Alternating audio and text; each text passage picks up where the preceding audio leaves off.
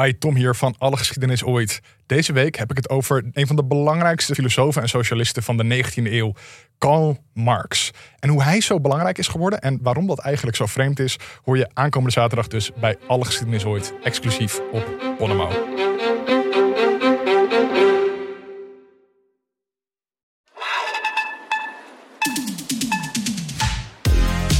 Welkom bij Schaamteloos Randstedelijk, de podcast over alles wat je wel bent, maar niet wil zijn. Mijn naam is Doortje Smithuizen, naast mij zit Perre van den Brink. En zoals iedere week houden wij onze luisteraar een spiegel voor en onderzoeken we de paradoxale relaties met de systemen om ons heen.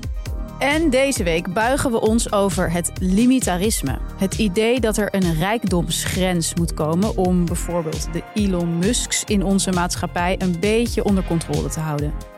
Zou dit kunnen werken? Of moeten we ook nog met andere ideeën komen om dat soort types uh, in te perken? Uh, maar eerst onze vaste rubriek: de actualiteiten, de noemenswaardige ontwikkelingen.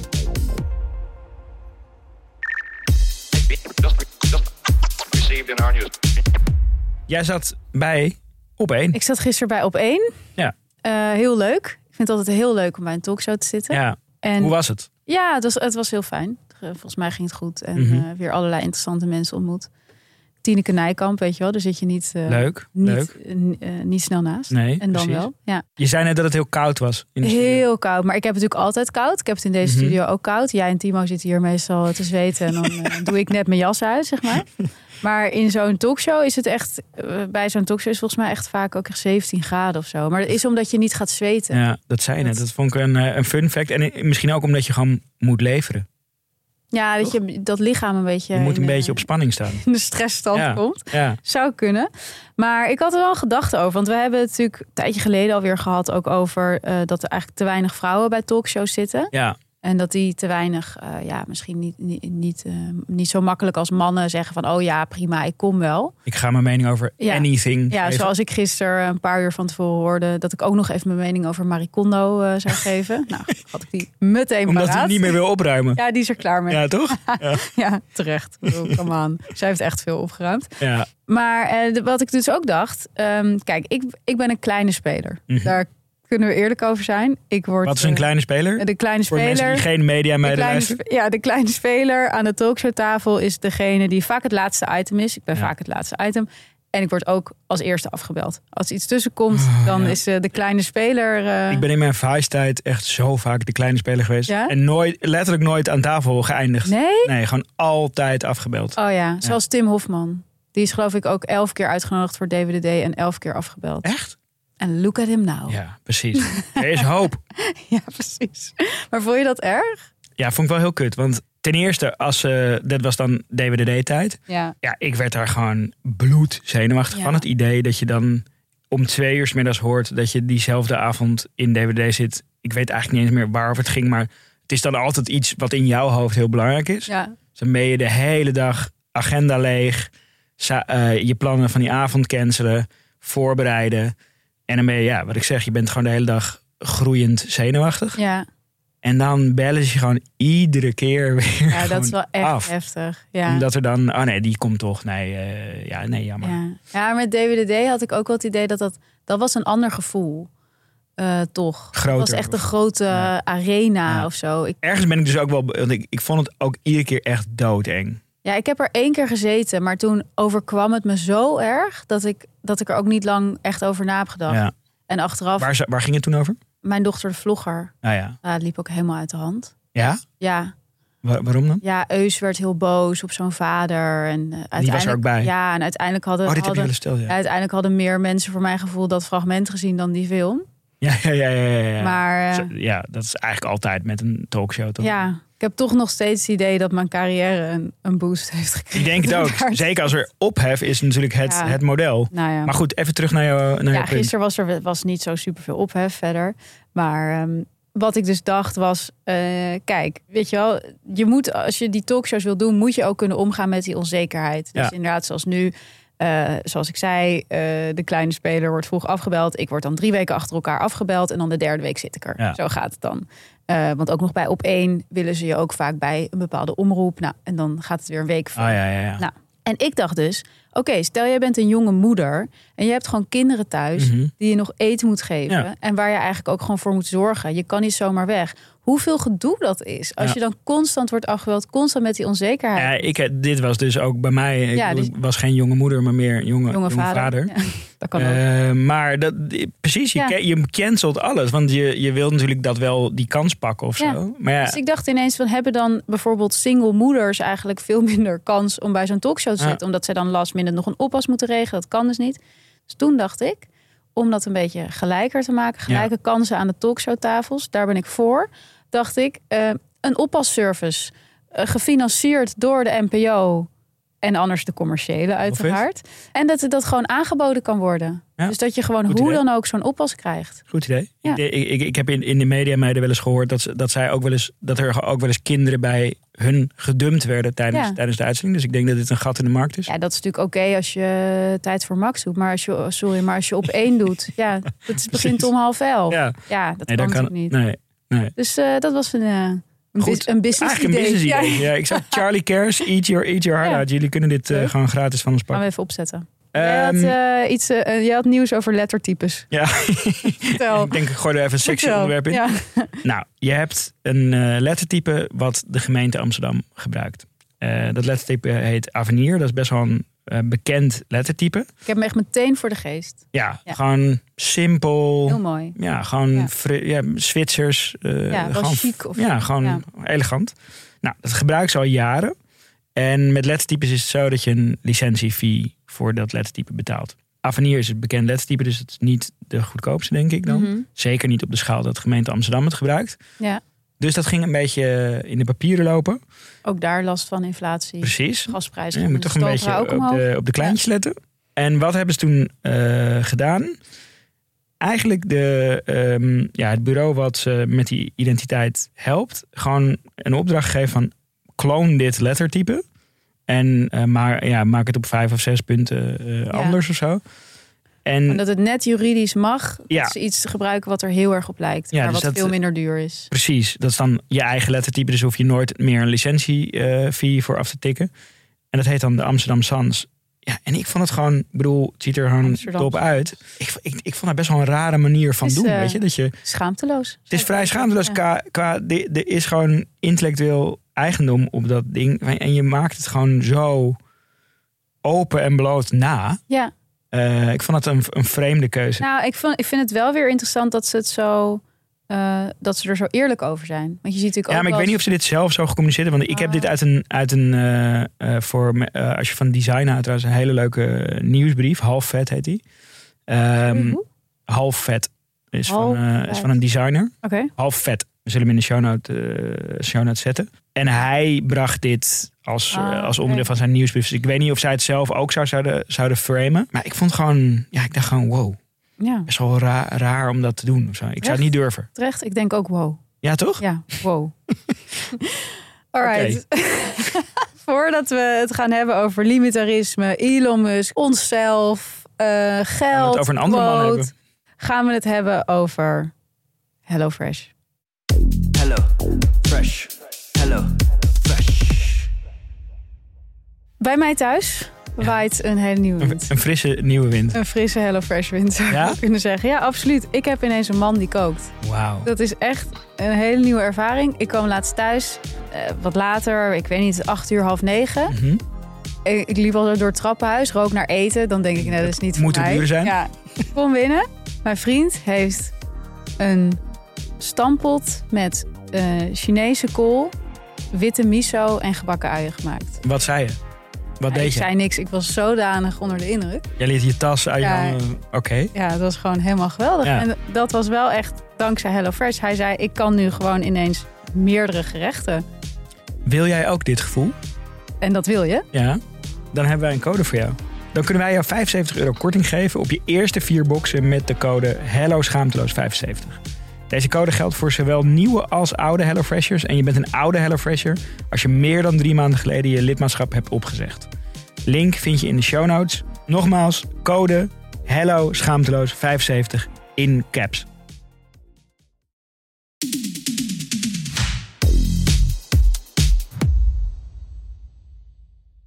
Ik wilde het vandaag heel graag hebben over limitarisme. Ja. Eh, ik ben enorm eh, gefascineerd door dit nieuwe idee. Het is echt zo'n idee waarover ik denk dat we hier nu pas aan denken. Mhm. Toch? Is, dit, is dat zo? Is dat Ja, nooit dat eerder in de geschiedenis? eh, nee, ik, ik heb het ook nooit eerder gehoord. Maar Ja. je kan je bijna inderdaad niet voorstellen dat... dat, Maar dat is altijd met simpele ideeën. Ja. Dan kan je dat sowieso nooit voorstellen. ja, ja, het, ik moet nu aan het communisme denken. Maar, Dat was ook een heel goed idee. ja.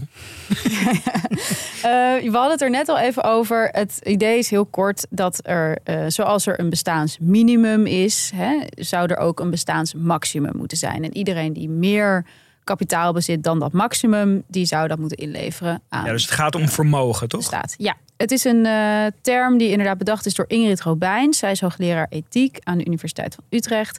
En eh, nou, we gaan het hebben over eh, wat zo'n idee, wat voor implicaties zo'n idee zou hebben Ja. voor de samenleving en voor de mensen die erin rondlopen. En eigenlijk vond ik het ook een leuke aanleiding om even te beginnen met een anekdote. Ik was, ja, ik denk een paar maanden geleden, vier maanden geleden of zo, Mhm. misschien drie, was ik op het, eh, het grote feest van de quote, jaarlijks feest van de quote, eh, met de lancering van de quote 500 Mhm. eh, in de Harbor Club. Ja, waar iedereen het over limitarisme had. eh. Ja, ja, daar was gonste dat toen Ja. al rond tussen de fintech Ja. lui en Ja. eh, nou en ehm, eh, het was, ik vond het gewoon vrij bizar, want want dat was echt in die tijd dat de oorlog nog heel erg, weet je, elke dag het begin van het nieuws Mhm. was, die gasprijzen die enorm hoog ging, het ging heel erg over energiearmoede. Ja.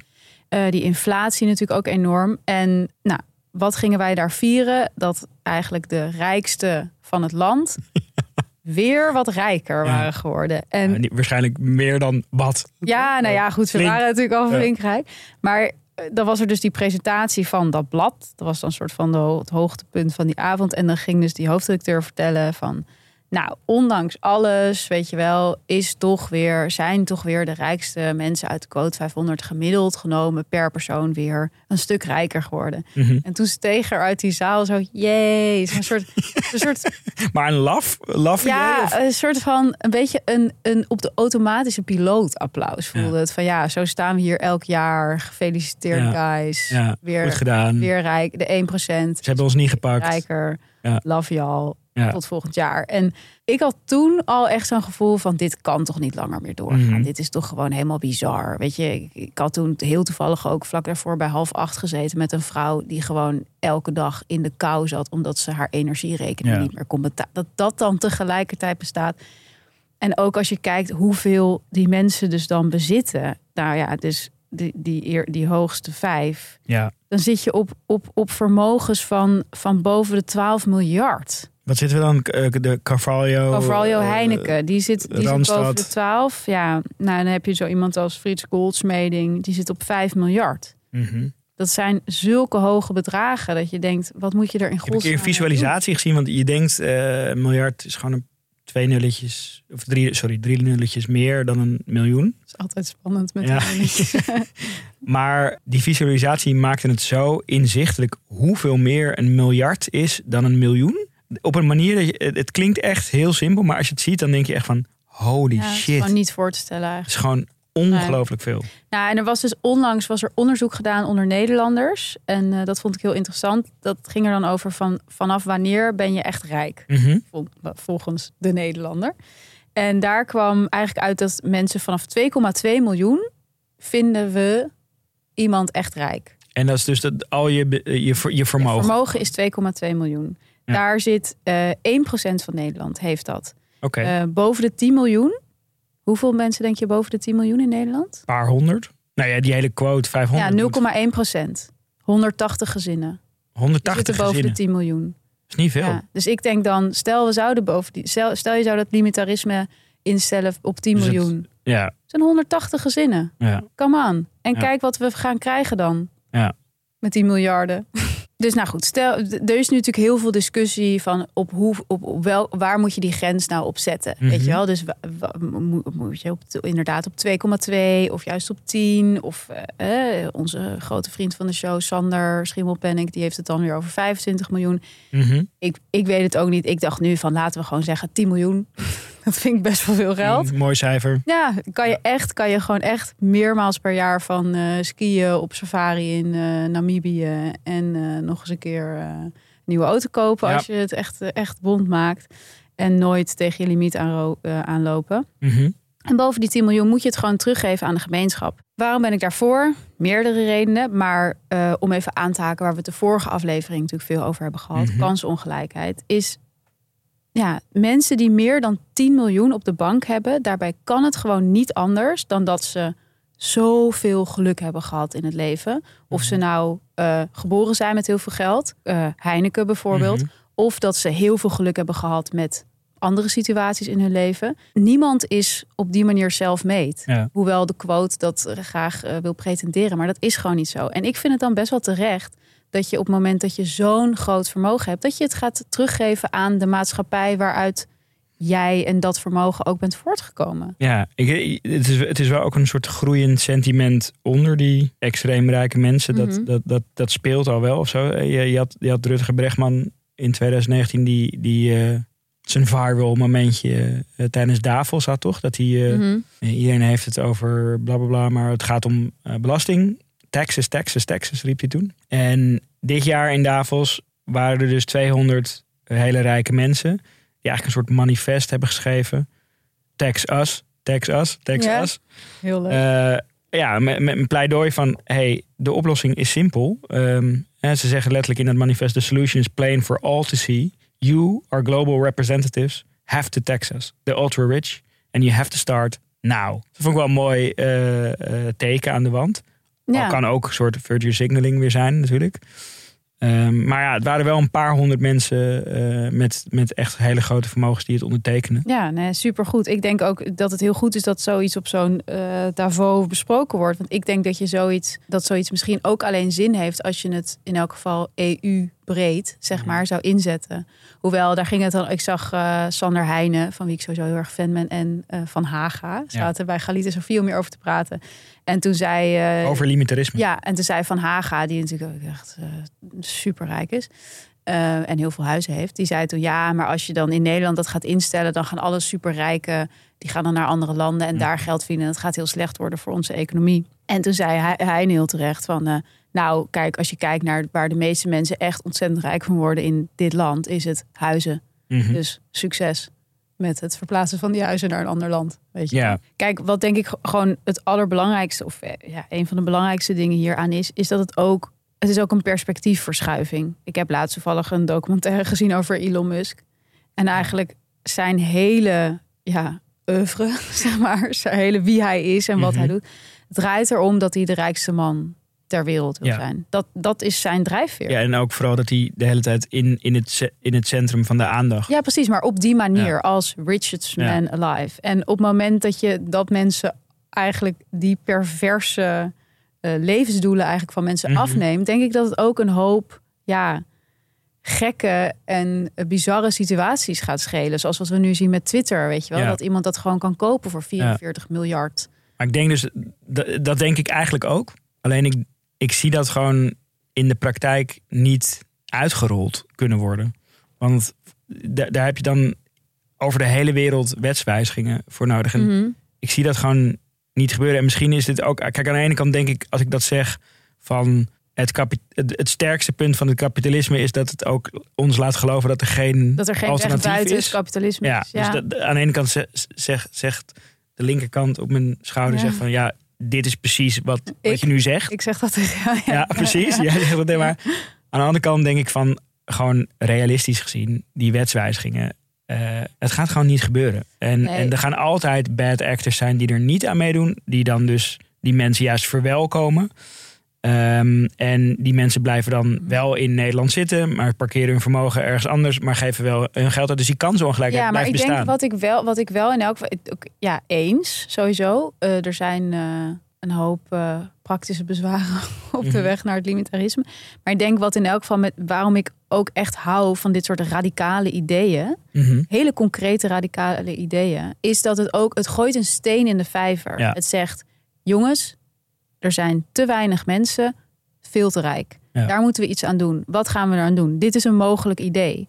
En ik denk op het moment dat je ziet dat dit zo aanslaat. ehm, dat het wel de weg plaveit naar ook eh, wetten, wetsvoorstellen, eh, weet je wel, eh, Mhm. in Nederland bijvoorbeeld of in andere landen die misschien wel gaan over kapitaalbelasting, vermogensbelasting, weet je, erfbelasting. Ehm, en dat dat in elk geval al een heel goede stap in de goede richting is. Ja. En dat, dat maakt het voor mij eh, juist ook van waarde om zo'n natuurlijk ergens ook Ja. heel radicaal idee juist. Nee, zeker. Ik bedoel, voor, voor culturele verandering zijn altijd eerst dit Ja. soort ideeën nodig. Dus eh, da- daar ben ik het ook helemaal ehm, mee eens. Ik, ik, ik zat er op een gegeven moment, tijdens het voorbereiden van, van de aflevering, had ik echt een soort van Eureka-moment. Mhm. Ik dacht, nee, nee, nee, wacht nou, wacht nou. Het gaat niet om limitarisme. Dat, wij moeten gewoon als cultuur eigenlijk soort opnieuw framen wat status is. En wat status verhogend zou moeten zijn of zo. Ja, En dat zijn gewoon de verkeerde drijfveren die we nu hanteren. ja. En toen, kwam er, toen was ik dat zo een beetje aan het uitwerken. En ja, toen, je had echt een mega goed idee. ja, en toen las ik jouw notes. En toen zag ik dat Rutger Bregman Ja. daar precies al een heel Je stuk... eh, hoe lang zijn we deze podcast aan het maken? Drie Ja. maanden? En je, je bent nu al in Rutger Bregman veranderd. ja, wow, wow, wow, wow. Started from Vice, Ja. nou Rutger dit, Bregman. dit escaleert echt alle kanten op. Ehm, maar, Maar, ik denk wel dat je punt heel goed is. En ik denk ook dat dat, dat bijvoorbeeld ook iets is wat zo'n limitarisme teweeg brengt. Dat het een echt een radicaal andere Ja. manier is van kijken naar status. Als we gewoon niet meer dat, de, eh, dat die perverse prikkel hebben van meer, meer, meer, meer geld op de bank, meer huizen. Dat, dat, dat daar een halt toe, eh, toe wordt geroepen. Dat je dan wel, dat we dan op zoek gaan naar andere manieren om status te verwerven Ja. voor onszelf. ja, want je, wa- wat je bijvoorbeeld bij die super, super, super rijken ziet, is dat ze dan heel filantropisch worden op een gegeven moment. Maar hè, links Ja. ontduiken ze alle belastingen die er bestaan. En rechts geven ze dan honderden miljoenen weg. Wat eigenlijk. Wat, zij, wat hun eigenlijk verandert in een soort overheid die bepaalt waar de belasting heen gaat. Of zo, toch? Maar Van- dat is toch het hele gestoorde. Dat we Ja. eigenlijk nog steeds in een tijd leven waarin gewoon geld wie betaalt, die bepaalt. Mhm. Dat je gewoon ziet dat mensen als Musk, mensen als Bezos, weet je, mensen die bovenaan de piramide staan, die bepalen gewoon voor de rest van de wereld hoe die hele piramide Ja. eruit ziet. Ja. Als wij straks op Mars moeten wonen, dan hebben Musk en Bezos daar de hele wereld al ingericht. dat is toch doodeng? Hoe zou dat eruit zien? Nou ja, en dat denk Wel ik. met- goede de- delivery. ja, ziek snel. Maar dat denk ik met dat limitarisme. Het, het, het, het bevrijdt ons ook van de onvoorspelbaarheid van inderdaad die rijke lui. Die Mhm. ineens inderdaad hun hele vermogen aan één goed doel overmaken. En eh, laat dat over aan mensen die daarvoor hebben doorgeleerd. En eh, Ja, en daar ook. verder kunnen kijken dan één ego dat een, een gouden naam Ja. wil op een Ja. verhaal of zo. Ja, dat doet die, de, overigens die, die, die ex-vrouw van Jeff Bezos. Die doet dat echt op een geweldige manier. Dus Oh ja? die, is dat, die heeft de helft van dat vermogen eh, ten tijde Oh, van die scheiding. Dat is echt een goede eh, prenup. ja, dat, dat is gewoon goed. Maar zij heeft ook een hele essentiële rol gespeeld in, eh, in Amazon. Oh ja? Ja, Oh, wow. ja de, ehm, Dus dus. weer uitnodigen als gast. Ja, nou, ja, nou, maar zij wil dus geen publiek. Wat zij dus doet, Oh. zij is dat hele vermogen er echt als een gek doorheen aan het jassen en gewoon weg aan het geven. En zij doet donaties. ehm, eh, ja, bij, bij grote fondsen of zo heb je normaal gesproken, ja, word je ook wel echt een beetje doorgelicht voordat je natuurlijk een, een hele grote donatie Mhm. eh, krijgt. Maar zij stuurt gewoon checks op. Ah. En eh, dus bij die check zit gewoon een NDA, dat, niet, dat ze niet mogen zeggen dat het van haar komt. Dus het is echt dat weg van dat eh, eh, ego, eigenlijk ja. Is er gewoon hier, morgen maken wij eh, eh, een paar miljoen naar jou over. Want je doet goed werk. Keep up the good work en hou je back dat je het van mij hebt gekregen. Ja, Ja, ja. Oh, wat vet. dus dat is ook precies. Maar ik heb wel het idee waar we het net over hadden, over dat status, eh, dat statusidee, dat dat wel een beetje aan het gebeuren is. Mhm. Ik weet niet hoe het bij jou was, maar mijn hele tijdlijn was afgelopen week vol met mensen die met Extinction mee waren gegaan om de snelweg te blokkeren. En ik denk dat ik volgende keer meega. Ja, ik, ik, ik had hetzelfde. eh, of tenminste, ja, als ik heel eerlijk ben, ga ik volgende keer denk ik niet mee. Maar wat ik wel had, was dat mijn hele timeline vol stond. Wat ik ook had, is dat ik gisteren op kantoor... Ik denk dat Rutger Bregman dit ook zou doen. Dat hij ook niet mee zou dat hij niet mee... Ja, denk ik. Ja, toch, toch Echt? nog meer eh, Rutger Bregman. Ja, ja. Maar ik kwam eh gisteren op kantoor en er zit een ehm, ja, de- deel in één gebouw. Er zitten een aantal andere bedrijven en ehm, we hebben een gezamenlijke soort kantine-achtige ruimte. En daar zaten ze, een, een ander bedrijf zat daar te werken en met twaalf mensen of zo. zij waren dus volgens mij voor een groot deel daar, daar ook naartoe geweest. Maar het voelde ineens soort heel normaal dat iedereen daar was Dat geweest. of zo. Ja. Ja. gewoon, ik dacht, wow, dit is wel echt ook 10, 15 jaar geleden eh, zou dit echt niet En daarbinnen gaan dan natuurlijk ook weer statusverschillen komen van ben je wel of niet opgepakt? Opgepakt, Moest je ja. bak in Ja. ja of nee? Weet je wel? was je zo'n soort, zo'n soort van naïveling die zijn ID bij zich had? Of, of, niet? Ja. En daar, ging het, daar ging het letterlijk namelijk over Het gisteren. braafste meisje van de klas. Ja, precies. Tuurlijk, tuurlijk. Heb ik, maar dan, de, de- het fokt op eh, van dat is, dan krijg je dus een strafblad. Ja, En als je hem niet meeneemt, niet. Maar goed, eh, inderdaad, dat, dat, dat, ehm, die soort awareness of zo is in mijn bubbel ook wel echt groeiende. En ook op een ehm, ander best wel leuk voorbeeld wat ik een tijdje geleden zag, was een bouwbedrijf. En die had een soort campagne ehm, eh, bedacht. Eh, ja, eigenlijk op, eh, rondom hun bouwplaatsen hadden ze dat ehm, op van die stijgerdoeken geprint. Niet ieder kind wordt later arts of advocaat, stond er. Leer je kinderen dat het oké is om met je handen te werken en toffe dingen te bouwen. Als Ja. soort van, ja, gewoon statement of zo. Weet je? Ja. Ik vond het echt best wel bijna ontroerende eh, eh, advertentie of zo, weet je wel. Ehm, en toen dacht ik ook van ja, dit, dit is fucking belangrijk dat dat eh, gezegd wordt. Want je leert, hè, je, je, je kijkt naar Videoland en dan zie je Ja. alleen maar documentaires over influencers. Over hele rijke mensen Precies. eigenlijk. Die met, met ja, iets vrij, ja, meestal iets vrij. Content creation. Ja, Ja. ik begin ook meteen weer zacht te Ja, praten. ja, ja. Eh, of je kijkt naar Netflix en het gaat over mega winnaars en Ja. alles is epic gemonteerd. En ja, het, het, je, je, wordt- je wordt echt een, een kant in, in geduwd. eh, wat eigenlijk hele soort traditionele waarden voor succes of status eh, als uitgangspunt neemt. Ja, nou ja, en je hoopt dat dat limitarisme, of in elk geval een, een, een daarop gebaseerde politiek, dat die dat ook een beetje de kop indrukt. Dus dat die inderdaad zorgt voor een herwaardering van banen die misschien niet het meeste kapitaal voortbrengen, Ja. maar wel maatschappelijk kap- kapitaal als het ware. En wel Ja. maatschappelijke waarden en persoonlijke waarden voor veel Ja, mensen. of dus zo- zoals, zoals dat eh, voorbeeld van, die, eh, van het manifest van die hele rijke mensen eh, over belasting. Mhm. Dat daar dan eigenlijk een soort van nieuwe trots in komt te zitten. Ik loop al jaren met, het, met de frustratie rond. En ik zou dat heel graag een keer willen doen met de Belastingdienst. Als, je, als jij zo'n blauwe envelop op Ja. in je brievenbus krijgt. Ja, ik, ik voel dan alleen maar een soort angst. Of zo van, oh shit, wat heb ik gedaan? Wat heb ik verkeerd gedaan? Of Ja. Terwijl als je daar vanuit een soort van customer journey eh, perspectief naar Ja. kijkt. Ja, eh, ik geef daar behoorlijk veel geld eh, uit. Ik ook net weer allemaal Ik afgeschreven. heb nog nooit een bedankje gekregen. Nee. Ik heb ook nog nooit. Ik ik zou heel graag gewoon een, een leuk pdfje willen ontvangen van ze. Van bedankt, Perre. Nou, en wat Eh, ze met dat geld hebben gedaan. Wat, eh, Ja. dit, deze wegen hebben we gebruikt. Dus maak me trots. Weet je? Laat me zien wat je met dat geld doet. In plaats van boezem me de hele tijd angst in of zo. Weet je? En dan word ik vanzelf ook trotser op belasting eh, betalen. Want ik doe het met liefde. Mhm. Maar de hele ervaring is wel behoorlijk ehm, mediocre. Niet premium. Nee, het is niet premium om belasting te betalen. Nee. Dus, en en het, het, het zit wel in de premium eh, categorie, eh, zeg maar. Als Qua je, uitgaven. Precies. Ja, absoluut. Als we dat bij eh, Bernard Arnault, de nieuwe rijkste man ter wereld Nou, van Louis Vuitton en Hennessy. dan wordt er een lopertje voor je uitgerold, zeg maar. ja, dus Belastingdienst, bel me. Als, je, als, jullie, als jullie het aantrekkelijker willen maken. Oh, hoe leuk zou dat zijn? Het zou echt fantastisch zijn als, dat- als dit echt, echt gebeurt. La, wat, wat zijn nog meer ideeën waarmee we status kunnen rebranden? Ik denk dat we sowieso, ja, het is een beetje voor de hand liggend, maar we moeten een, een bepaald type baan eigenlijk gewoon meer status geven. Ja, Zowel financieel als moreel. ja maatschappelijk. Ja, Ja. eh, dus de zorg, Mhm. eh, het onderwijs. Waarom zitten er... eh, Er moeten Gucci-campagnes met leraren komen. ja.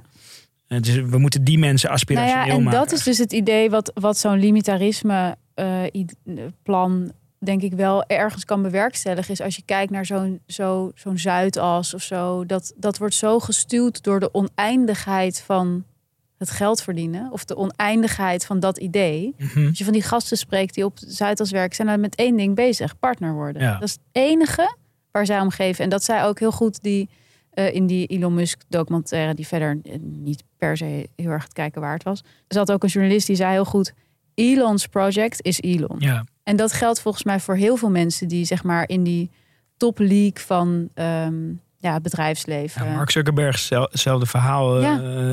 er zijn- zijn zoveel van die anekdotes over hem. eh, Dat hij op het begin, zijn kaartje was dan Mark Zuckerberg, I'm CEO, bitch. ja, Dat ook zo waar slaat dat op? infantiel. Ja, Ehm, en onder, onder Facebook, in de footnote van Facebook stond ook een Mark Zuckerberg production. Ja, maar kijk, als iedereen van jou weet dat jij, eh, weet je wel, zo, zo, zoals zo'n zo'n Musk gewoon eh, honderden miljarden op Mhm. je rekening, dan kan je dat ergens ook doen. Omdat je gewoon, je hebt die slagkracht of zo. Ja. Het is moeilijk discussiëren met je baas of met zo iemand als je weet dat, dat die zo'n groot kapitaal heeft. En dat is denk ik waar die, ja, waar die ongelijkheid weer om de hoek komt kijken, die gewoon grote vermogensverschillen veroorzaakt. Ik, ik moest ook heel erg denken aan ehm, dat schandaal. Daar is toen ook wel een leuke Netflix-docu over gemaakt. Over die Ivy League scholen. Dat dus Mhm.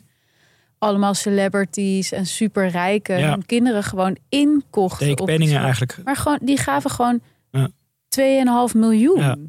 Aan zo'n school om Ja. hun kind erop te... Zeg maar, het, op het moment dat jij eh, maar 10 miljoen mag hebben... dan Ja. geef je echt niet zo makkelijk even 2,5 eh, miljoen uit... om jouw kind dat eigenlijk helemaal niet wil leren... wel op Harvard te krijgen omdat je denkt dat staat leuk. Ja, en maar als dat limitarisme echt door zou komen, dan zou denk ik überhaupt Ivy League niet meer bestaan. Omdat dat- daar, daar wordt ook, dat is eigenlijk Louis Vuitton, weet je, van Ja, bewust schaars te creëren. Zij zouden veel grotere scholen kunnen zijn, maar ze houden het klein om die prijzen op te drijven. ja. Net zoals ho- hoe je bij Hermes niet zomaar een tas mag kopen. ja precies. Ja, dat eerst op een lijst. Ja, dat is gewoon eigenlijk dezelfde. Het is gewoon echt luxury. Status. Ja. Natuurlijk. Zou dan misschien niet eens, überhaupt niet eens meer bestaan of zo. Ja, concluderend. Concluderend. Ehm, limitarisme is een goed idee, maar eh, de uitvoering, die hebben wij nog niet 1, 2, 3 Nee. uitgedacht. Ja. Misschien zijn er luisteraars die wel zeggen, hoppatee, hier, ik heb een Excel-sheet gemaakt, zo gaan we het doen. Deel je praktische vertalingen van limitarisme. Heel benieuwd, ja. Ja.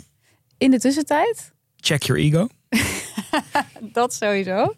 En een rebranding van status. Een rebranding van status. En hopelijk ook een rebranding van de Belastingdienst User Experience.